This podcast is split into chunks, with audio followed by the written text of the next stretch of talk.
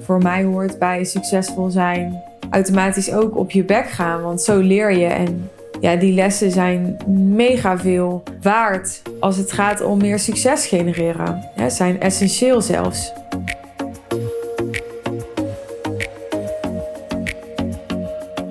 Misschien heb je laatst mijn podcastaflevering geluisterd over het traineeship dat ik wilde aanbieden.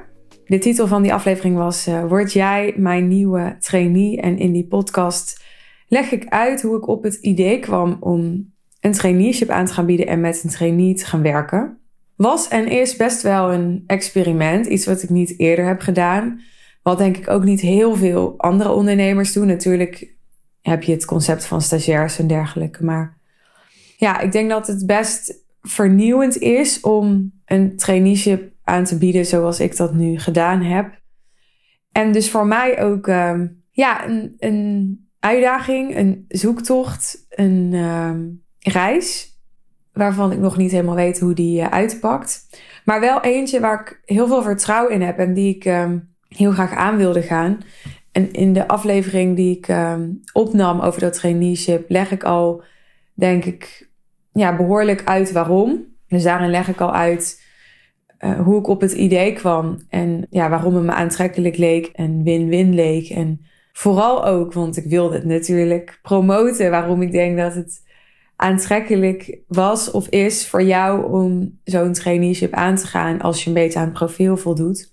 Maar toch merkte ik dat het nog best wel wat vragen opriep. Ik kreeg via Instagram en ook via mijn klanten ja, vragen over. Maar Suus, is dat dan wel simpel, zo'n trainee? Want ja, gaat zo iemand dan uiteindelijk toch ook weer weg? Dus is het niet, niet zo duurzaam? En moet je zo iemand niet best wel sturen en begeleiden? En kost dat dan niet heel veel tijd? En nou, allemaal logische, legitieme vragen waar ik in deze aflevering nog even op in wil gaan.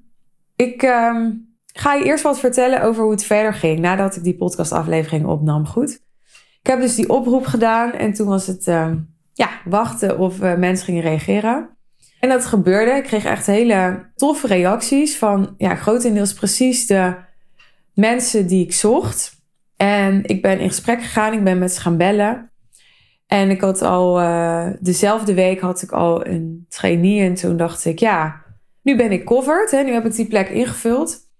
Maar er bleven, uh, ja, omdat natuurlijk niet iedereen dezelfde dag die aflevering luisterde. Er bleven eigenlijk reacties komen van mensen die later die podcast nog uh, hoorden.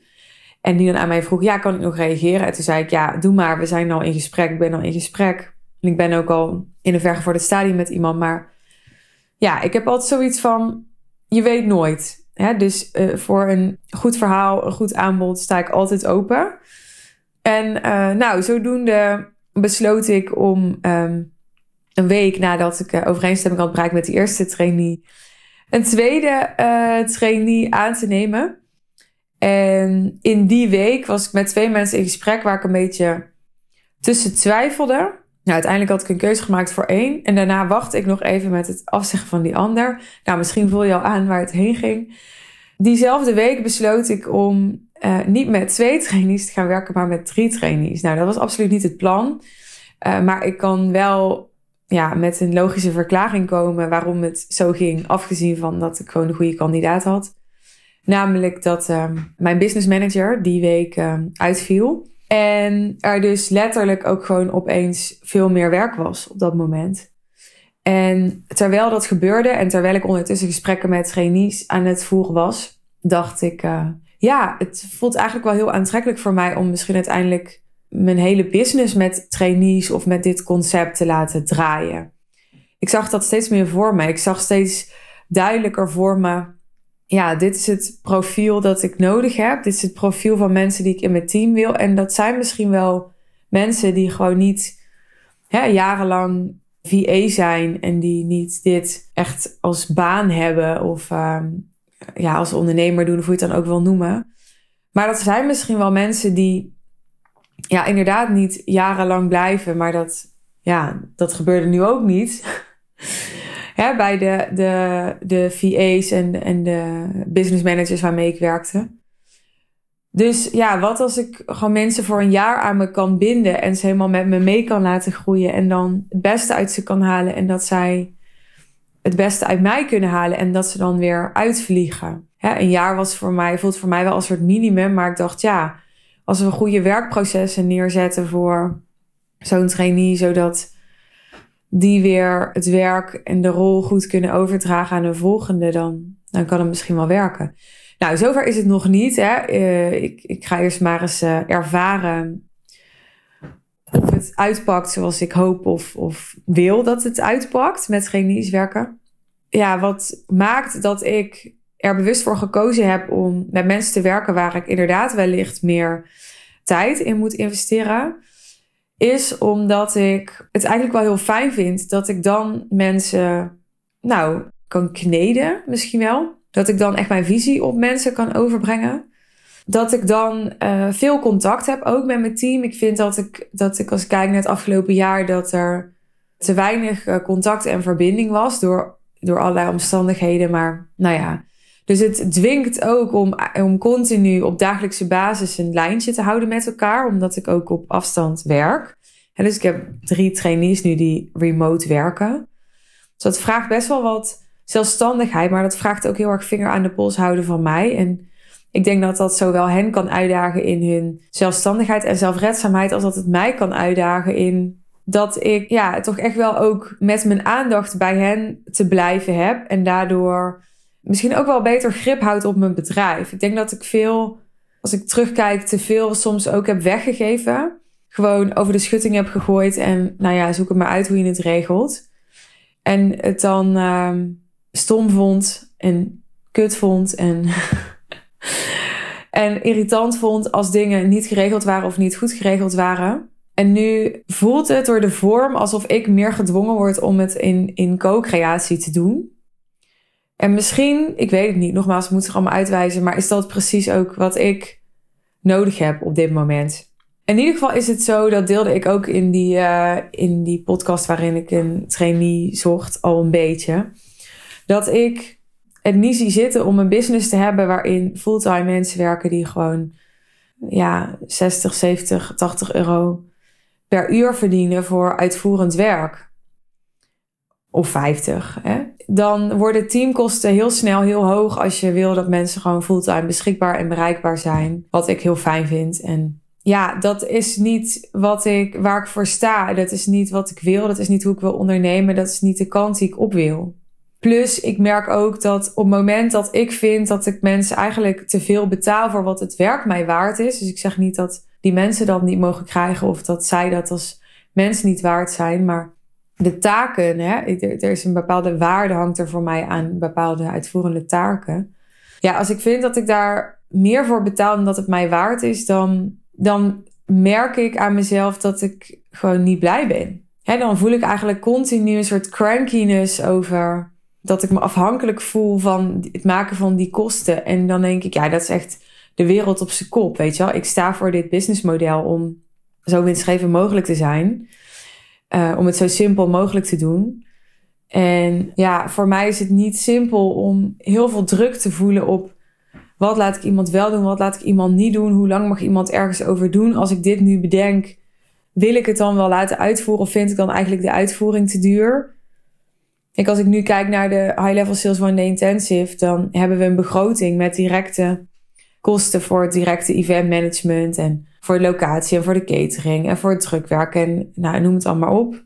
Maar er zijn ook indirecte teamkosten van mijn assistent nu, Chantal, en ook zo'n projectmanager die echt uren en uren dat event steekt, wat niet direct op de begroting komt te staan, maar wat ik wel uh, moet betalen. Nou, dat is ook een van de redenen waarom dit de laatste editie wordt, omdat ik het heel tof vind om het te doen op de manier zoals ik het nu doe. Maar het is niet het meest simpel en het is ook niet het meest winstgevend. En dus voelt het niet meer congruent met mijn boodschap en met wat ik teach. Dus uh, ja, het voelde voor mij daarom heel kloppend om een relatie aan te gaan met mensen die uh, ja, niet vanuit een, een, een backend of een back-office kijken, maar met mensen die gewoon heel graag in algemene zin echt bijdragen aan mijn bedrijf en die van mij willen leren en die daar waarde uithalen.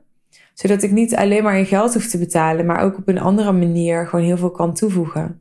Kijk, ik denk echt, ja, klanten die betalen 30, 40.000 euro. En deze mensen krijgen gewoon elke maand geld. en ja, daarvoor moeten ze natuurlijk gewoon ook werken. En in die tijd kunnen ze niet hun, eigen business opbouwen, wat natuurlijk mijn klanten wel doen. Dus het is absoluut uh, niet te vergelijken met elkaar. En toch, ja, ik heb nog steeds, dat vertel ik ook in die, die vorige podcast over het traineeship. Ik heb nog steeds heel veel baat bij een traineeship dat ik zelf heb gehad uh, in 2016 of zo. Ik heb daar echt mega veel van geleerd en ik kreeg betaald. Ik vond het echt ideaal. Ik dacht, andere mensen gaan studeren en dat kost alleen maar geld en ik doe dit. En dat heb ik van meer mensen gehoord die een traineeship hebben gedaan, dat ze daar gewoon super blij mee waren. Nou ja, en ik ben hier dus ook blij mee voor zover ik dat nu, uh, hè, voor zover ik dat nu kan beoordelen of in dit moment. Want nogmaals, ik, uh, ik praat hier heel open over. Vind ik best wel spannend, want voor hetzelfde geld, ja, stoppen deze mensen ermee? Werkt het voor mij niet? Hè? Moet ik zeggen, nou jongens, ik heb het geprobeerd, het heeft gefaald. Dat is natuurlijk nooit leuk.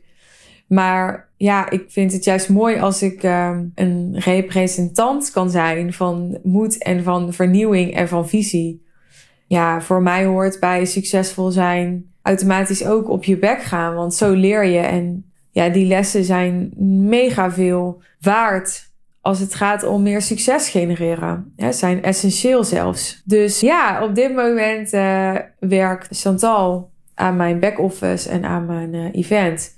Volgende week start Iris, waar ik laatst ook een podcast over heb opgenomen als mijn, uh, mijn co-coach in de plek van Jeannette.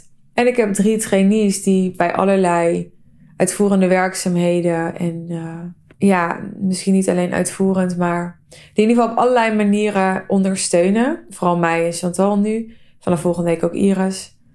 Ja, dit is hoe we het nu doen. En uh, aan de hand van hoe die dames het, het oppakken en vinden en waar ze goed in zijn, ga ik in de komende maanden opnieuw uh, de rollen, taken en verantwoordelijkheden verdelen.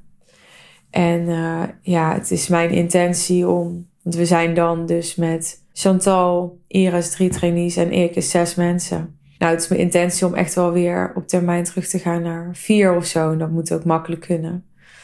Maar voor nu hoop ik even ruimte te creëren en ook aan die dames ruimte te geven door, uh, ja, door ze tijd te geven om ingewerkt te kunnen worden en um, feeling te krijgen bij het bedrijf en bij hun plek binnen het bedrijf, hun toegevoegde waarde voor het bedrijf. Als ik met één trainee was gaan werken, was er denk ik veel meer druk op één persoon gekomen. En ik hoop dat nu een beetje te spreiden door met drie mensen te werken. Ja, ik hoop dat dit uh, een antwoord geeft op, op de, de vragen die je misschien hebt bij dat traineeship. Tegelijkertijd realiseer ik me dat er nog heel veel meer over te vertellen valt. Dus als je toch uh, nog benieuwd bent naar andere dingen, mag je me gerust even DM'en. Ik probeer zo uh, open mogelijk te zijn.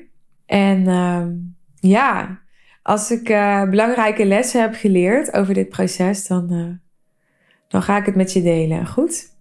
Ga ik nu deze podcast afronden. Ik wens je een mooie dag, avond of nacht. Als je net zo'n gekkie bent als ik en laat opblijft.